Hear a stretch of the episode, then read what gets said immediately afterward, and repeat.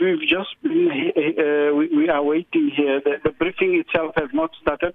We are not uh, clear as to whether the the, the, the, the people that are going to be so, sworn in what, what the, the issue is. But at the moment, uh, the, the, the parliamentary uh, communications people have just been telling us that uh, the, the space in the briefing is going to be limited. So as a result, we may not see the, the swearing in of the new members, but they're going to allow TV cameras inside.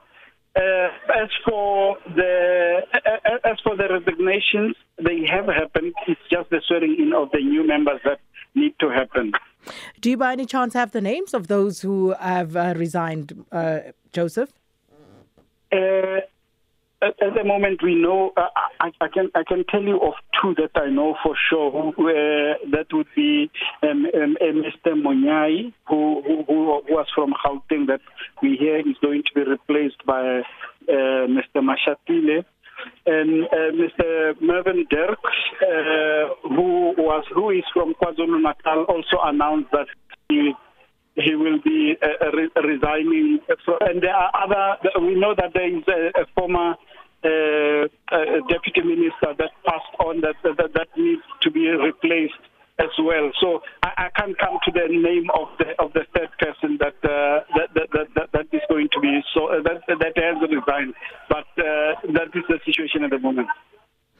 So we'll leave it there. As you say, um, uh, that will be taking place in a short while for that. But uh, just uh, on your observation, Joseph, the preparations uh, for SONA later this week, how are things coming along there?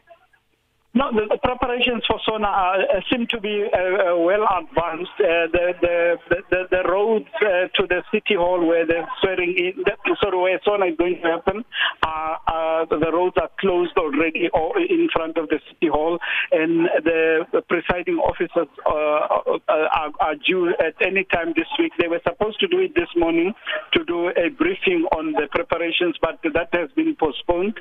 And uh, but we know that. Uh, that is just a formality to to tell give the details. But it means SONA itself is definitely uh, on its on, on its way to happen. Uh, we know that, uh, that there might be disruptions from uh, the EFF as they have announced, but at this stage uh, we don't know what uh, form it's going to take and what preparations Parliament is making to make sure that it is secured. Joseph Musia, we'll leave it there. And uh, that's our reporter in Parliament, Joseph Musia.